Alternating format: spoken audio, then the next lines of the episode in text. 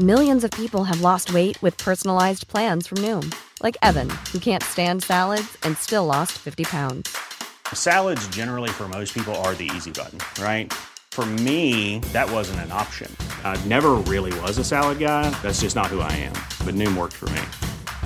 Get your personalized plan today at Noom.com. Real Noom user compensated to provide their story. In four weeks, the typical Noom user can expect to lose one to two pounds per week. Individual results may vary. Ready to pop the question? The jewelers at BlueNile.com have got sparkle down to a science with beautiful lab grown diamonds worthy of your most brilliant moments. Their lab grown diamonds are independently graded and guaranteed identical to natural diamonds, and they're ready to ship to your door. Go to BlueNile.com and use promo code LISTEN to get $50 off your purchase of $500 or more. That's code LISTEN at BlueNile.com for $50 off. BlueNile.com code LISTEN. Burrow is a furniture company known for timeless design and thoughtful construction and free shipping, and that extends to their outdoor collection. Their outdoor furniture is built to withstand the elements, featuring rust-proof stainless steel hardware, weather-ready teak, and quick-dry foam cushions. For Memorial Day, get 15% off your Burrow purchase at burrow.com slash ACAST and up to 25% off outdoor. That's up to 25% off outdoor furniture at burrow.com slash ACAST. Mellan Johannes Malmqvist och Simon Jochtet verkar alltså som att det är Simons version som ligger närmare sanningen om hur narkotikaverksamheten bedrevs och vem som är användaren Alexandrus. Han har dessutom varit mer medgörlig i rättssalen och försökt att på bästa sätt svara på åklagarens frågor. Johannes har förvisso också svarat på åklagarens frågor, men han tycks vara mer defensiv, tar ofta omvägar i sina resonemang för att enbart kunna svara på det han själv vill svara på. Han uppträder inte direkt otrevligt i rättssalen, men är heller inte speciellt medgörlig. Åklagaren vill nu höra vad han har för kommentar till den stora mängd bevisning som talar emot honom. Du lyssnar på Rättegångspodden och del 3 om narkotikahärvan på Darknet. Eh, du har hört vad Simon Jochtet har berättat. Kanske återkommer till hans uppgifter tidigare. Nämligen, ja, du har ju hört hans, hans berättelse. Vad, vad tycker du om det, det som han berättar om och det som framkommer under de här chatterna och förhör eller lyssningarna och, och alla de här sakerna? Jag tycker det är beklagligt att han inte talar sanning och försöker lägga över en stor del på de saker som jag inte har någon aning om på mig. Det, det känns jobbigt. Varför är det så mycket som är krypterat i din dator? Eller överhuvudtaget alla dina datorer och USB-minnen som finns hemma hos dig. Varför är det så mycket som är krypterat? Ja, mer eller mindre alla krypterade USB-minnen, det är inte USB-minnen, det kan man väl säga verksamhetens USB-minnen. Eh, Min dator, ja den är krypterad därför jag har eh, ägnat mig åt eh, fildelning och jag har ja, varit rädd och läst att man bör kryptera sin dator. För att då är man skyddad om polisen tar den. Men det... I och för sig, du kanske får hänvisa till tilläggsprotokoll 10, sidan 41. Så där har man uppräknat upp några få punkter som inte har varit krypterat eller inte har startat upp och fungerat en hårddisk och något, något, något minne. Men övrigt, allt annat i beslag hemma hos dig vad gäller datorer och sånt är ju krypterat. Det stämmer inte. Mm, ja, det är fyra datorer hemma hos mig. Två av dem var krypterade, den stationära som jag hade till fildelning. Sen var det en liten bärslaptop eh, som jag hade använt mig. Jag har haft det till ett intresse. Jag har satsat pengar på olika sporter och betting och ja, säkerhetsskäl för att om, jag har ju haft med den när jag varit på flygande fot och annat. För att om jag skulle tappa bort den med stulen skulle inte jag vilja att uppgifterna till mina bettingsidor skulle komma ut. Av den anledningen är den datorn krypterad. Och Minnen sen som... finns det två stycken eh, bärbara datorer i min lägenhet som inte är krypterade överhuvudtaget. Även om du sa att allting var krypterat. Du måste ändå fråga här. Då kommer vi fram egentligen till det. Jag kommer, jag kommer återkomma till det, det vi har. Men alltså. De här filerna som finns hem, i din dator. De är krypterade i X-container så att säga. Är det någon av de här som du har använt särskilt mycket och gjort någonting med eller har du använt några av de här filerna? Mm. Ja, det är väl en fil som innehöll lösenordet till Alexanderskontot. Det är nog det jag använt eh, bland det mesta. Sen har jag använt eh, krypteringsprogrammet för att kunna avkryptera och sammanställa adresser. Men alltså det du beskriver att du ska fixa med alla adresser till alla som ska ha knarket. Du ska svara på alla frågor som folk har om narkotikan är slut eller om det ska kanske sättas ihop någon specialorder och sådana här saker. Och du ska fixa ut så att, så att det, man kan skicka ut bestäm, alltså beställningarna ska du fixa helt enkelt. Ja, Ja, men är det inte det du sitter och säger? Att du det, jag fixa? sa ju, det jag sa är att jag, detta är väldigt omfattande arbete och att jag har fått stöd via det, som jag sa i början, det finns väldigt svåra frågor. Jag kan inte veta vad man ska sätta för priser på custom-order och andra. Så då har de varit tillgänglig för att jag ska kunna rådfråga. Men Men, men sen när jag blivit varm i kläderna, kanske någon gång i januari och sånt, då, då har jag kunnat utföra det mesta själv, svarar jag. Men Men då har jag du- även varit en eh, likvärdig partner i verksamheten. Men då är det väl du som sitter och säljer narkotikan här? Du tar ju emot alla beställningar och du ser till så att det vart det ska skickas och så får du ut till Fjällboda och postar och skickar iväg. Är det inte så? Det skulle jag inte vilja påstå. Enligt överenskommelsen så var vi likvärdiga partners och eh, sålde det tillsammans från mitten av november 2014. Men vad tycker du att din arbetsuppgift liknas med? Om, när du berättar själv att du att det är du som tar, ska ta emot alla beställningar och se till att fixa så man vet vem som ska ha vad och du ska kunna svara kunderna på allt det här. Spontant tycker jag att det här låter som en säljare. Tycker du inte det? Ja, så jag har varit en, Alexandrus. det är som jag sa, att eh, vi har ju varit likvärdiga partners och jag och Simon Jokte har tillsammans i samförstånd skött den ifrån mitten av november till februari. Då var vi överens om att vi skulle dela på försäljningsintäkterna. Och så här låter det från Johannes i stort sett hela tiden. Han erkänner att han har varit delaktig, men att han absolut inte är självaste Alexandrus. Han menar ju att Simon drog in honom i den här verksamheten och gjorde honom till en likvärdig partner. Nu du hörde innan vi har hört Johannes Malmqvist. Jag tyckte du ändå ska få chansen att kommentera den inställning som Johannes Malmqvists försvarare angav. Eh, nämligen att Johannes Malmqvist menar att det här är egentligen helt och hållet din verksamhet. Om jag uppfattar det här rätt nu och att du har övertalat Johannes att gå med från juni och att du har lämnat något krypterat USB-minne med massa information till honom och så vidare och så vidare. Du har ju hört hans inställning i början Ja. på dagen här. Har, är det något du vill säga om det som... som Om jag har någon kommentar? ja. Eh, ja, min kommentar är ju att eh, det rör sig om eh, extrema fabler. Så att säga. Desperata försök att eh, skylla ifrån sig.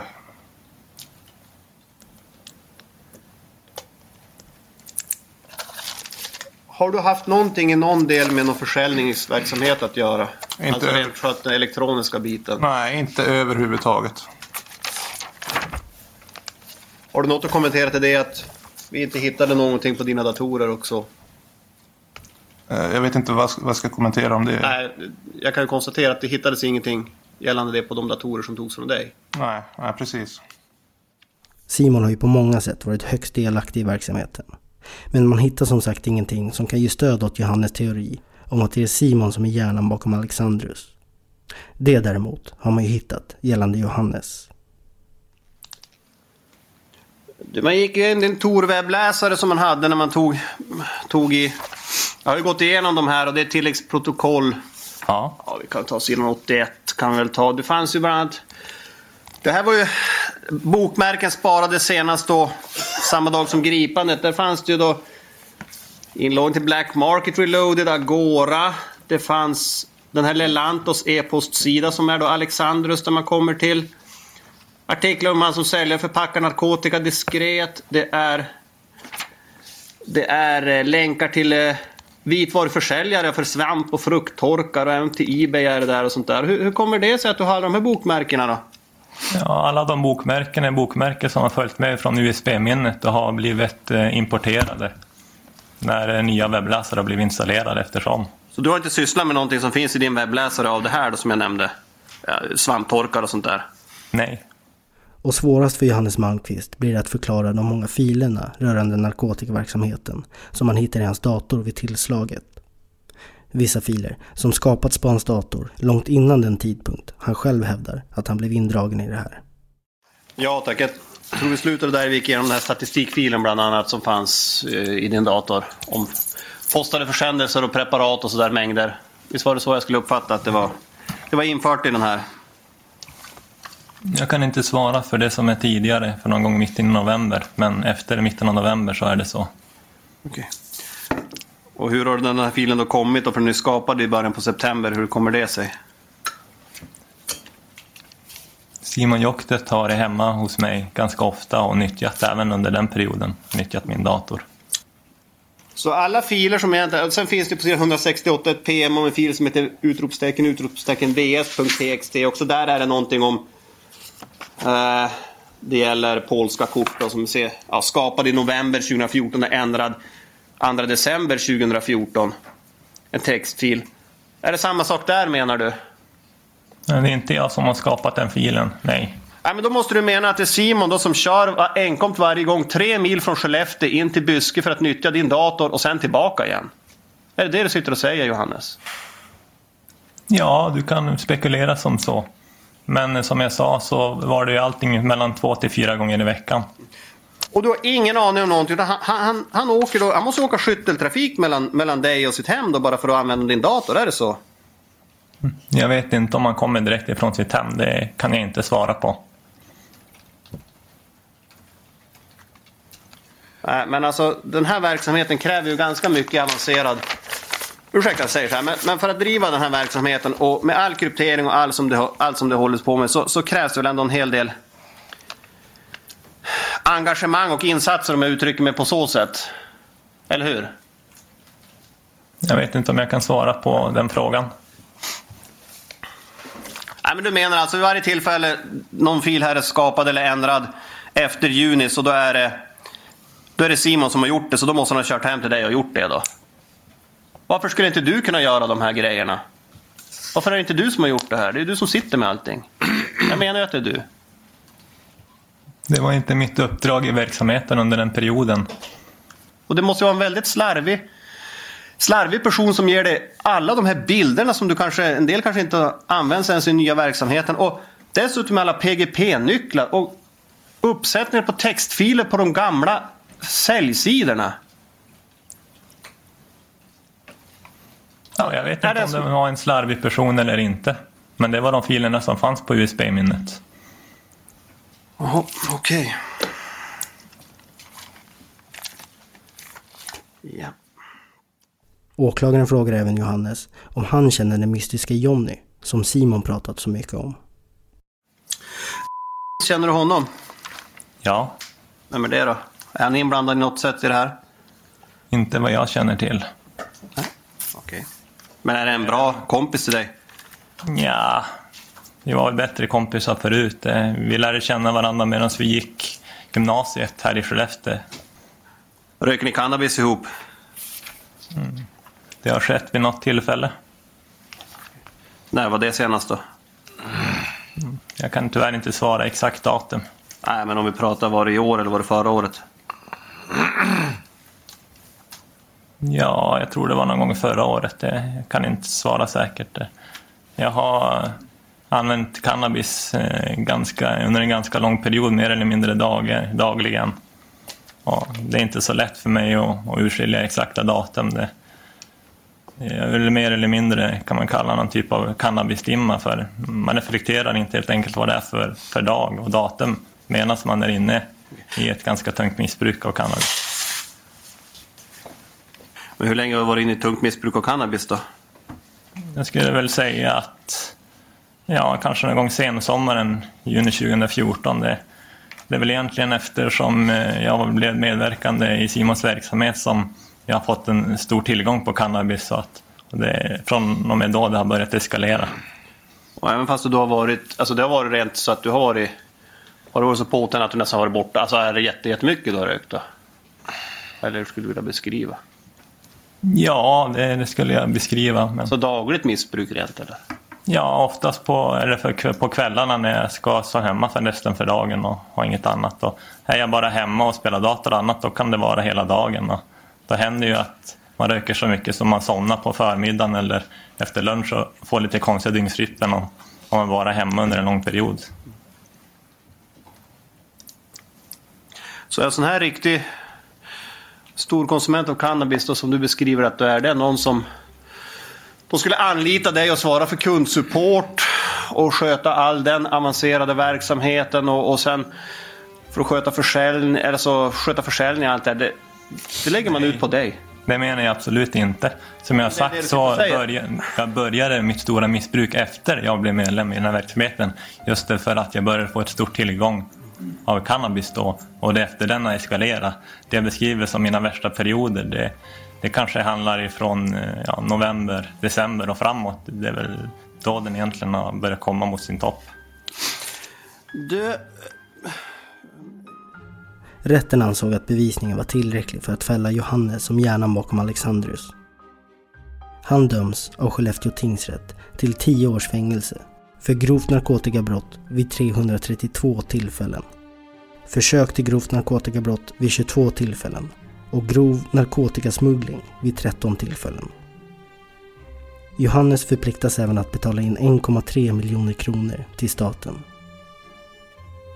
Simon Jochtet gjorde sig skyldig till samma brott, bortsett från narkotikasmugglingen, men dömdes till fem års fängelse.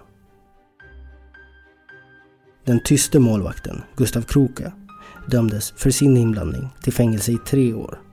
Hans bortförklarande kompis Jens Sekas till två år och den ångerfulle Viktor Lahti dömdes av tingsrätten till ett års fängelse. Men det finns ju ytterligare en person vi ännu inte har hört.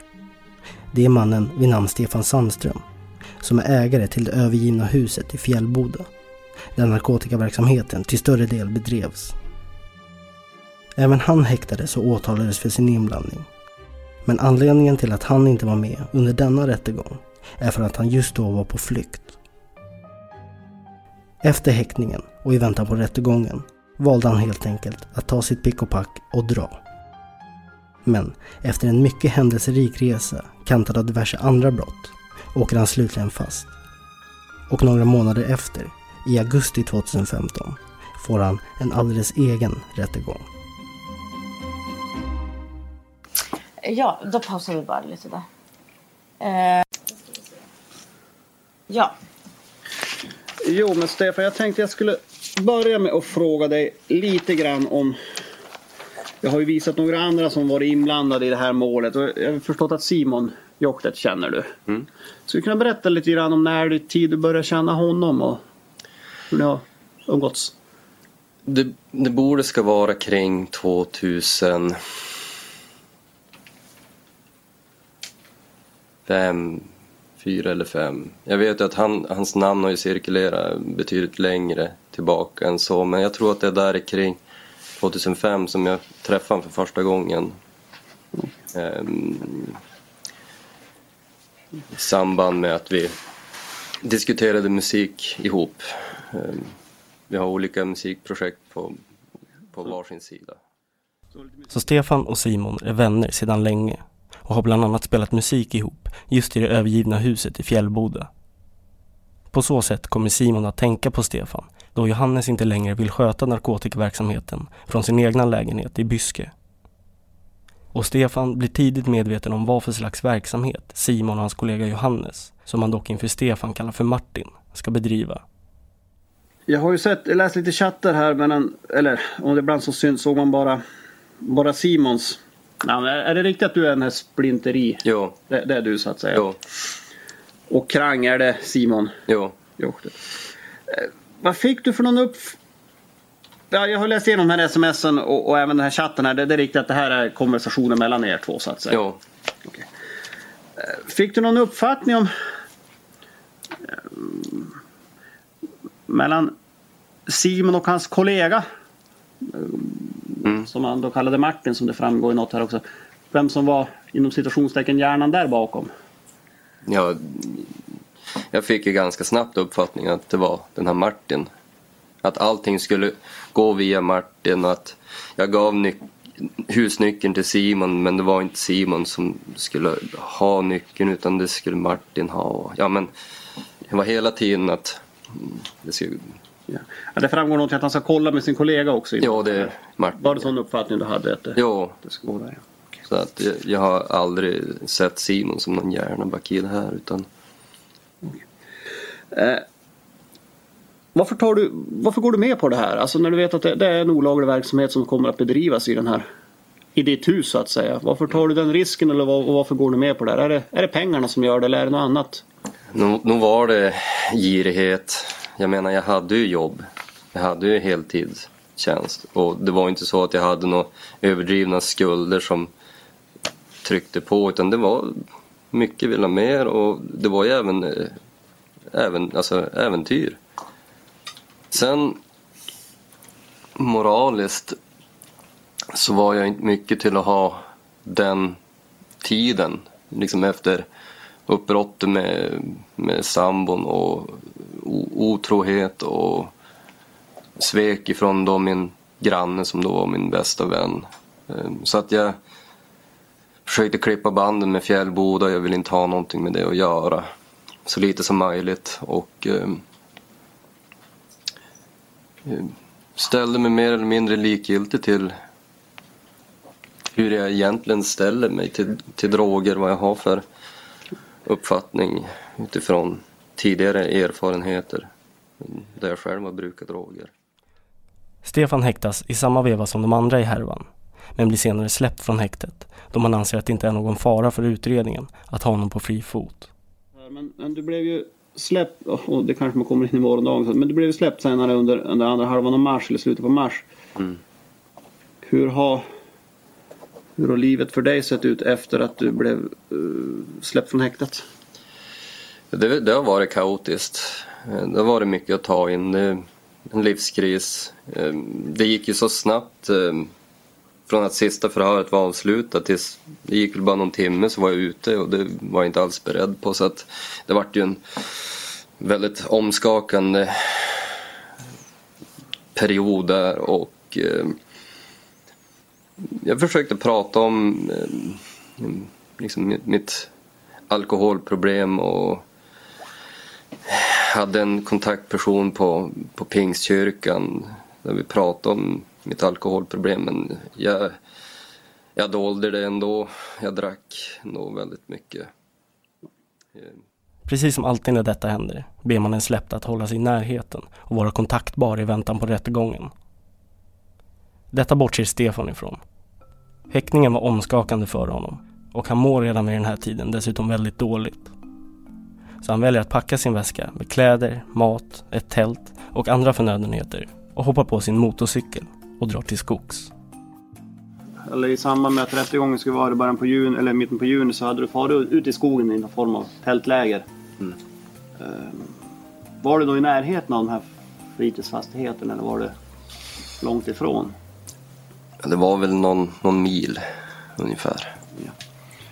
därifrån. Men hur hade du tänkt alltså då? Alltså du hade med en massa, förstår jag själv då, egen, egen egendom dit ut så att säga. Jo, Men hur kom det sig att du var inne i, i deras fritidshus den första gången här? eh, I Ögrens... Ja, om än att jag hade kläder som, som jag skulle kunna klara mig året om med. Och så vart det det där att det kan vara gott att ha extra. Och så vart det bara en impulsgrej att nu, jag, jag for. Stefan slår läger i skogarna kring Arvidsjaur. Han tillbringar dagarna med att dricka stora mängder alkohol. Och där någonstans börjar en fix idé att gro. Han vet inte hur länge han kommer behöva stanna i sitt tältläger. och vill samla på sig mer förnödenheter som kläder och mat och inte minst alkohol. Han hoppar på sin motorcykel och börjar åka runt längs stigarna i hopp om att hitta stugor att göra inbrott i. Ja, första inbrottet då märkte vi det ganska tidigt när vi kom in i byn. För då såg vi släpmärken efter pulkan. Och så har vi, vi har två pulkor, en packpulka det kan man inte sitta i och en pulka som man kan sitta i. Och då tyckte Micke att nu har någon stulit pulkan av oss och den är bara två år och kostar 22 000. Men då visade det sig då att det var packpulkan som var stulen. Så då tittade jag upp mot huset och så säger jag till Micke, vi har haft inbrott. Hur vet du det? Jag sa dörren mellan köket och ytterhallen är öppen. För ytterdörren har vi glas i. Så man ser direkt in. Det gick bara kalla kårar genom mig. Och aldrig trodde jag att där skulle vara inbrott. Så jag låser upp, går in, ser. Alltså, det var inte en förödelse, det måste jag inte säga. Men alltså, det var popcorn. Nej, inte popcorn, ostbågar. Så i köket, vars, vars än Stefan hade gått, så var det ostbågar. Det var nästan som den här Hans och Greta-sagan. Hon la ut massa saker för att hitta hem. Och så jag sa åt Micke, vi rör ingenting. Utan då ringde jag. Alltså jag var så chockad då så jag tror jag höll på i fem minuter att ringa 114 14 för jag kom bara fel och nummer existerar inte. Och då sa hon ju så här att det var ju dagen före midsommar så jag kunde förstå att inte polisen skulle komma vid semestertider och det. Men hon ville att jag skulle gå in och kolla utan att röra någonting och vissa saker var ju öppna. Jag var på övervåningen, det var det som en presenning så jag radade ju så bara, jag var i chock. Så det här kan ju hända, det är ju inte sant. Och jag vet, ska jag bara berätta om inbrotten, ingenting däremellan? Nej, men berätta det du tycker är, Ja. är relevant. Ja, det är ganska relevant. Och då hörde då till saken att då kom min dotter och hennes pojkvän på midsommarafton. Och Mickes yngsta flicka och hen, hans, hennes pojkvän på lördagen alltså blir det då. Och vi får ner till älven och, och sitter där och eldar och hunden får bada och då kommer Stefan på motorcykel. Körde sakta så här, titta och reka och hade sig. Tills han såg oss. Det vart en rivstart utan dess like. Och Micke sa vilket underligt beteende han hade. Och ursäkta för att jag svor. Eh, så där gör man ju inte. Alltså alla som kom till byn hälsar ju eller stannar och frågar om man har fiskat eller någonting. För det här är verkligen avskilt. Det är fyra mil till närmaste fast boende. Så han sätter sig i bilen och kör kapp den här karln, Stefan. Och Stefan säger att han var från Skellefteå, man var och hälsade på någon folk i Malm. Som hette Pettersson eller något sånt där. Men han var trevlig mot Micke och allting. Och Micke tyckte ju att, att vi har haft massa inbrott här. Ja, tyckte Stefan. Det är ju tragiskt det också. Micke tyckte det var något bekant med. Så på söndag när jag var inne i en garderob då, då säger jag så här. Men min skoterjacka är borta. Då säger Micke, men var ju den han hade på sig. Millions of people have lost weight with personalized plans from Noom, like Evan, who can't stand salads and still lost 50 pounds. Salads, generally, for most people, are the easy button, right? For me, that wasn't an option. I never really was a salad guy. That's just not who I am. But Noom worked for me. Get your personalized plan today at Noom.com. Real Noom user compensated to provide their story. In four weeks, the typical Noom user can expect to lose one to two pounds per week. Individual results may vary. Hey, it's Ryan Reynolds, and I'm here with Keith, co star of my upcoming film, If, only in theaters, May 17th. Do you want to tell people the big news? All right, I'll do it. Sign up now and you'll get unlimited for $15 a month in six months of Paramount Plus Essential Plan on us. Mintmobile.com slash switch. Upfront payment of $45 equivalent to $15 per month. Unlimited over 40 gigabytes per month. Face lower speeds. Videos at 480p. Active Mint customers by 531.24 get six months of Paramount Plus Essential Plan. Auto renews after six months. Offer ends May 31st, 2024. Separate Paramount Plus registration required. Terms and conditions apply if rated PG. Hiring for your small business? If you're not looking for professionals on LinkedIn, you're looking in the wrong place. That's like looking for your car keys in a fish tank. LinkedIn helps you hire professionals you can't find anywhere else, even those who aren't actively searching for a new job but might be open to the perfect role. In a given month, over 70% of LinkedIn users don't even visit other leading job sites. So start looking in the right place. With LinkedIn, you can hire professionals like a professional. Post your free job on linkedin.com slash people today. Even when we're on a budget, we still deserve nice things. Quince is a place to scoop up stunning high-end goods for 50 to 80% less than similar brands. They have buttery soft cashmere sweaters starting at $50, luxurious Italian leather bags, and so much more.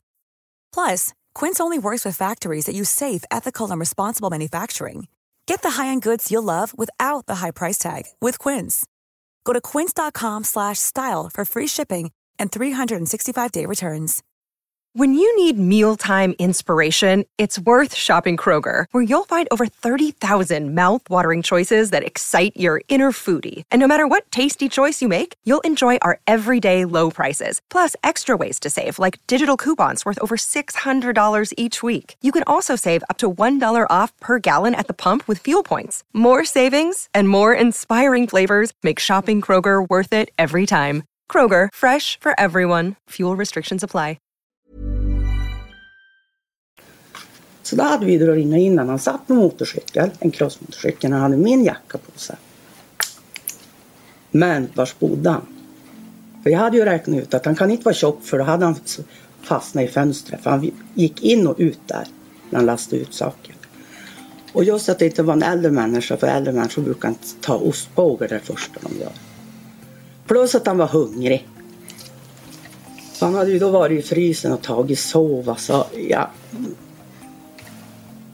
konserver, sprit, päronkonjak, en köksklocka, en kosa, en hornkniv, en almanacka. Jag prenumererar på sån här bondepraktikan för varje år får jag en ny sån här. Den stoppar jag alltid i sommarstugan för jag ska veta. Det blev en, en slags fix idé. Um, att, att hamstra. Um, och um, hade jag varit nykter så skulle jag inte göra det här. För att nyktert så kan jag se skillnad på mitt och ditt. Så att, um, ja.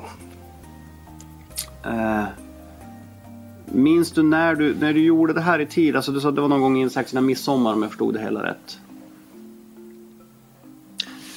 Ja, det måste ha varit kring 17-18 juni som jag var dit första vändan. Okej. Minns du om du träffade? Eller stod det någon skoterjacka? Jag stal en sto- skoterjacka. Minns du om du träffade? Eh, Ja, du kanske... Ja, jag minns att jag... När du var ute och körde vid något tillfälle? Jo, det var midsommar. Eh, Afton. Tror jag det var.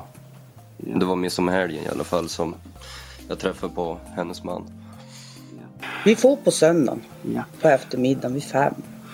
Det här fönstret då som var trasigt lagat eller fixade ni till det på något sätt? Det var Micke som fixade till det. Hur, hur gjorde ni? Alltså satte han en ny ruta rent eller? Nej, utan det var ju, vi ringde till Statens fastighetsverk och de skulle ju komma dit. Och vem hade då en aning att det skulle bli inbrott igen? Men han, de, vet de om han lagade någonting innan nästa inbrott? Ja, han gjorde någonting men jag vet inte vad han gjorde. Ja. Det kan jag inte svära på. Ja, okej. Jag hade så mycket annat att stå i.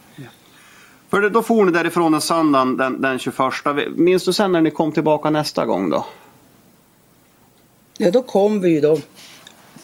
Var det? Eller jag ska ställa sig frågan, är det samma dag som du ringer till polisen nästa gång? Jajamän, det var samma dag. För den anmälan, så det, det är då, då ringt in den 3 juli. Ja. En, en, san, en, en, en fredag. Mm. Kan du berätta när ni kom den gången då? Hur, andra gången när ni har haft det här. äh, Hur kommer ni då andra gången? Ja, då säger jag åt Micke när vi kör in. Vi har haft inbrott igen. Då säger han, du är ju inte klok.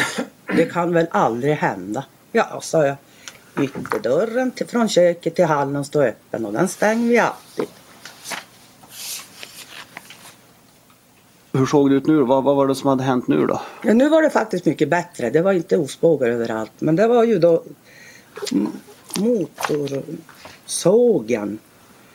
Alltså, saker och ting kom ju fram eftersom och då vet man inte om det är första eller andra inbrott. Ja, okej. Hur hade man tagit sig in den här, det här andra tillfället när ni kommer dit? Samma fönster. Var det trasigt igen då? Ja, det var det väl. Ja. Ja, alltså jag tittade inte så mycket. Det var ju Micke som var och tittade. Ja, okej. Men var samma ingångsväg? Ja. Som... Och då gissar jag att det är samma Joppe som har varit där igen. Ja. Du sa det såg bättre ut den här gången men alltså du kollade igen, vad hade försvunnit ändå så att säga? Var det något som du spontant sådär äh, hittade? Vad som hade farit? Ja. Nu måste jag säga. Alltså, jag har ju skrivit upp. Ja, då skriver jag. Då kanske. Ja, alltså det, ja, alltså det, jag vet inte egentligen vad som saknades. Ja, det var ju motor i sågen. Och så myggmedel. Allt myggmedel var borta. Och det, det hade farit nu andra, andra svängen så att Ja, sen kan det ju ha försvunnit. Jag har ju hittat saker och ting som, ja, men som jag inte vet om det försvann med första eller andra. Där kryddor. Stor, Bullens pilsnerkorv. Korvbröd, franska, hamburgerbröd. Hur vet om, vet om det försvann alkohol vid det här till andra tillfället? Ja, då försvann det tio öl. Okej, som ni hade där. Det var borta. Och en mm, kvarting mandarinvodka. Okej. Måste ha varit. Och när gör du då det andra inbrottet? Där, då, så, då, berättade, då kunde du bara trycka undan den här äh, provisoriska lagningen så att säga och öppna upp och ta det in igen. Ja, det var tidningspapper för Hur lång tid går det emellan de här inbrotten? Jag, jag har svårt att säga just den tidsuppfattningen. Jag hade visserligen eh, din bondepraktika, eh, almanackan där, men ändå eh, av alla dagar som jag, som jag drack, jag, jag tappade ändå bort dagarna. Så jag var ändå inte säker om tid och rum. Um, Men eh, det...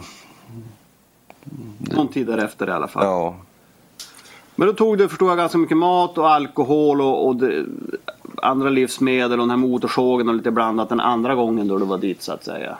Mm. Men tänkte du någonting då, alltså de här vägarna, här har jag varit in en gång och nu, nu är jag in på samma ställe den andra gången. Det här kanske inte är så lyckat. Jo, jag, jag minns att jag tänkte det. Men på något vis så var det väldigt lätt att svepa åt sidan. Just då, just när jag tänkte det. Ehm, Ja, Micke han, han tyckte ju det var helt otroligt. Men jag sa egentligen det här är inte otroligt, sa jag. För att han har inte fått med sig allting från första gången. Men, Men alltså det, det var ju ändå så här att jag, jag tänkte det här är inte sant. Det är ju någon som vill oss något ont. Och vi började resonera, har vi några ovänner? Och det har vi ju då inte heller. Hur eh, kom polisen upp och gjorde någon undersökning den här gången? Nej. Inte heller. Okej. eh, men ni vistas där en tid då, återigen? Ja. Eh, Och då hade jag tänkt stanna kvar den där helgen. Och så skulle Micke komma på fredagen för jag hade ju med mig mat. du tänkte stanna en vecka då så att säga? Ja, ja. men jag uteslöt det. Du for därifrån? Ja. Varför? Därför att jag visste ju inte vad det var för människa som... Kändes det otryggt? Ja. Sen, sen vet jag att ni är den tredje gången så att säga. Mm. Det kommer inträffa då är det onsdag den 15 juli. Skulle du kunna berätta vilka var ni i huset då? Eller, Det var bara jag och Micke. Utan han, det var en tisdag kväll vi far dit. Och så... Jag kan ju berätta något lustigt. Då säger jag åt Micke så här. att Jag kanske kluvn och ved. Så, jag, så att, kan du stanna på bolaget får jag fara och köpa något öl igen. Så när jag kom ut då säger han så här. Har du köpt åt tjuven? Jag sa men är du klok? sa jag. Ja, vi får upp då på kvällen och så på onsdagen då säger jag åt Micke, men ska vi ta och grilla någonting? Ja, säger han att Ja men det gör vi. Och nu har jag lite tidsaspekt för han står ju köksklockan också. Så att, men jag såg honom på eftermiddagen skyscha förbi motorcykeln. Jag satt vid köksfönstret. Jaha okej, du såg motorcykel fara? Mm. Ja, ja. Och när jag sitter vid köksfönstret finns det inte så mycket att se förutom genom sovrumsfönstret och där ser jag vägen. Där svischar han förbi. Jaha, vi grillade och så skulle vi då, och vi for inte och gick, vi tog bilen. Ja. För det är gode mycket mygg. Ja, okej.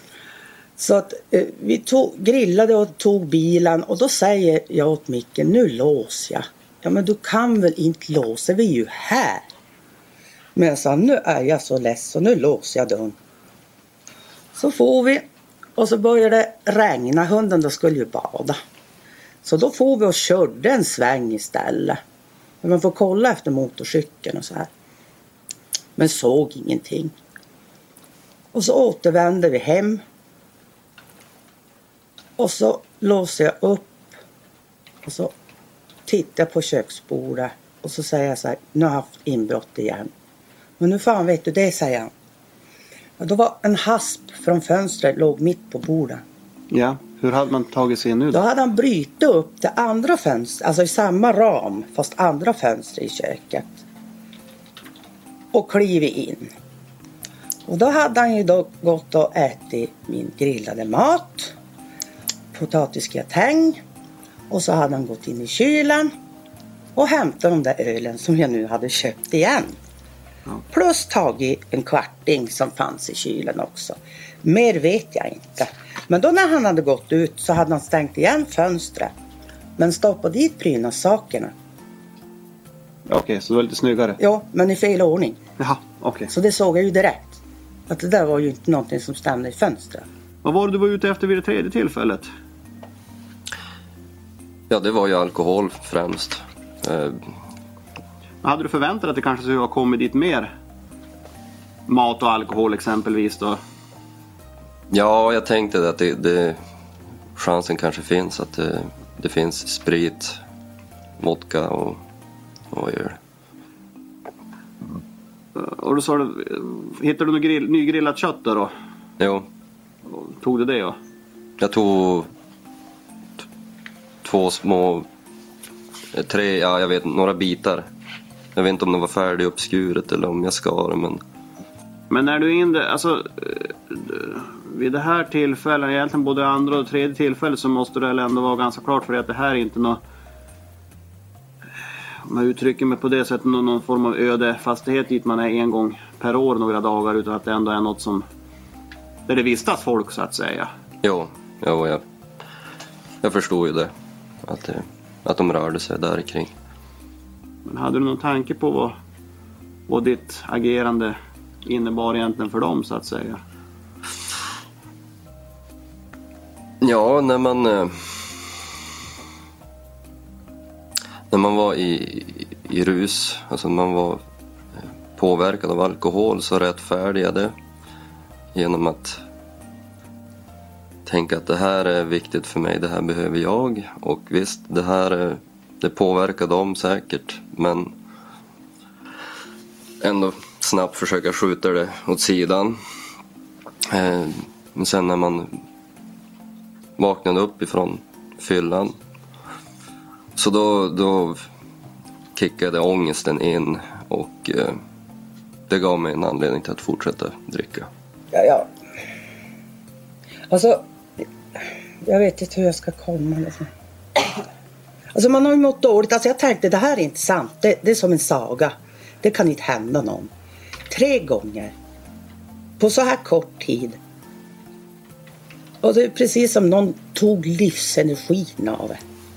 Alltså, vi, då vi, satt, vi, satt, vi, vi satt där och tänkte så här. Då, och vi diskuterar faktiskt på kvällen. Nu säger vi upp det här arrendet. För vi hyr ju också av Statens fastighetsverk.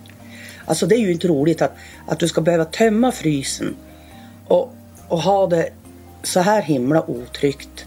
För det verkar ju inte vara några skrupler. Det blir inte fler än tre inbrott. Inte i just Lena och Mickes stuga i alla fall. Vid ett tillfälle, då Stefan åker omkring på motorcykeln, så får han en fågel i ansiktet. Han vurpar, åker ner i ett dike och blir genomblöt. Han gör då ytterligare ett inbrott i en annan närliggande stuga och tar ett par raggsockor och stövlar. Och några öl. Men sedan börjar Stefan tänka om. Han tröttnar på att bo i tältet och vill tillbaka till Skellefteå. Men då inser han att han inte längre har någon bensin till motorcykeln. Du, eh, sen finns det då ett biltillgrepp. Mm. eh, Som sker för Moskosel. Det är mellan den 18 och 19 juli. Kan du beskriva vad är det som har inträffat vid det tillfället? Ja, jag var på väg med motorcykeln och körde. Och inser att jag inte skulle ha möjlighet att tanka motorcykeln för den långa färd jag skulle köra. Vart var du på väg då? Då var jag på väg till Skellefteå. Eh, och, och då inser jag att, ja men, eller jag får en, en idé att agera som eh, direkt.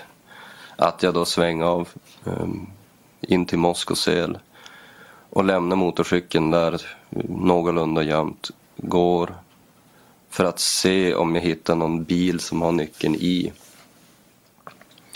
Så jag hittar bilen där och eh, smyger iväg. Det där kanske är två på natten. Smyger iväg med bilen, far och inser ju då att det är lite, lite diesel i den. Så då inser jag att ja, men jag måste ändå försöka tanka den för att få med få mig ända ner. Så att jag far då till Arvidsjaur. Och stannade på Statoil. Eh, och trots att jag bara hade kontanter, vilket inte går då att tanka med, så tänkte jag att jag väntar där en stund för att se om jag kan höra med någon privatperson att be den tanka så att jag kan ge kontanter. Men jag vart less att vänta så att jag for med bilen och ställde mig på en avlägsen plats för att sova. Så att tidigt på morgonen när OK öppnade vid sjutiden så då var jag där och tankade med kontanter. Och så for jag då mot Fjällboda för att eh, dricka vatten. Men då, det gick ju inte så bra. Huset var nedbränt. Eh, sen så for jag mot Gummark. Skulle se om jag fick en, eh, en titt. Eh, om, om min dotter var ute och lekte. Men det var hon inte. Och jag bestämde att det inte var kvar allt för länge så att jag for, till, eh, for tillbaka. Eh, och så sen då far fara till rastplatsen eh, vid Byskeälven. Och där, där förstår jag att någon privatperson känner igen bilen. Och eh, jag tar mina kläder och avlägsnar mig från bilen och då inser jag att det blir ett pådrag av eh, ja, att de söker efter mig då. Ja. Så, Blir du gripen efter då? Eller du är i Arvidsjaur? då? Men vad var då tanken ändå när du åkte? Eh, Du tar den här bilen, ska ner mot Skellefteå, du, du kör förbi Fjällboda, konstaterar att den inte existerar så mycket, far förbi Glommersträsk och så tillbaka. Alltså vad... Är det en liten halvt planlös färd här eller hade du någon tanke på att du skulle in? ja, jag ville se min dotter. Var det det som var ursprungs? Jo, att, att åka ner till Gunmark och Ja, så. se min dotter. Ja tack, jag med frågan. Tack så mycket. Stefan dömdes för medhjälp till grovt narkotikabrott, grov stöld och tillgrepp av fortskaffningsmedel. Under utredningen betonades det att Stefan varit väldigt behjälplig och ärlig och gällande stöldvågen så erkände han till mer än vad han egentligen hade blivit anmäld för. Det första han gjorde i rättssalen var att adressera stugägarna Lena och Micke och bad sitt djupaste om ursäkt för det han åsamkat dem. De godtog ursäkten. Påföljden för Stefan blev skyddstillsyn med särskild behandlingsplan samt skadestånd till stugägarna. För sin inblandning i narkotikahärvan blir han även skyldig staten 137 000 kronor. Det är fortfarande oklart om hur och när huset i Fjällboda brann upp. Johannes Malmqvist, Gustav Kroka och Jens Sekas överklagade sina domar till hovrätten. Där sänktes Johannes straff från 10 år till 8 år. Gustavs till 1 år och 4 månader. Och åtalet mot Jens Sekas gällande grovt narkotikabrott ogillades och man dömer honom istället till ringa narkotikabrott vars påföljd anses vara helt verkställd genom den tid Jens har varit frihetsberövad i målet. Du har lyssnat på Rättegångspodden om narkotikahärvan på Darknet. Jag heter Nils Bergman och tack för att ni har lyssnat.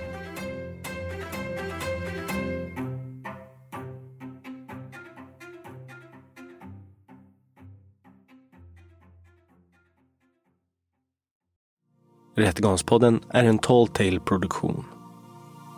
Ansvarig utgivare är Jonas Häger.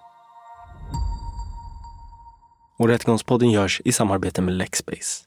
Ange rabattkoden Rättegångspodden när du blir ny betalande medlem på lexbase.se och få tre kostnadsfria domar.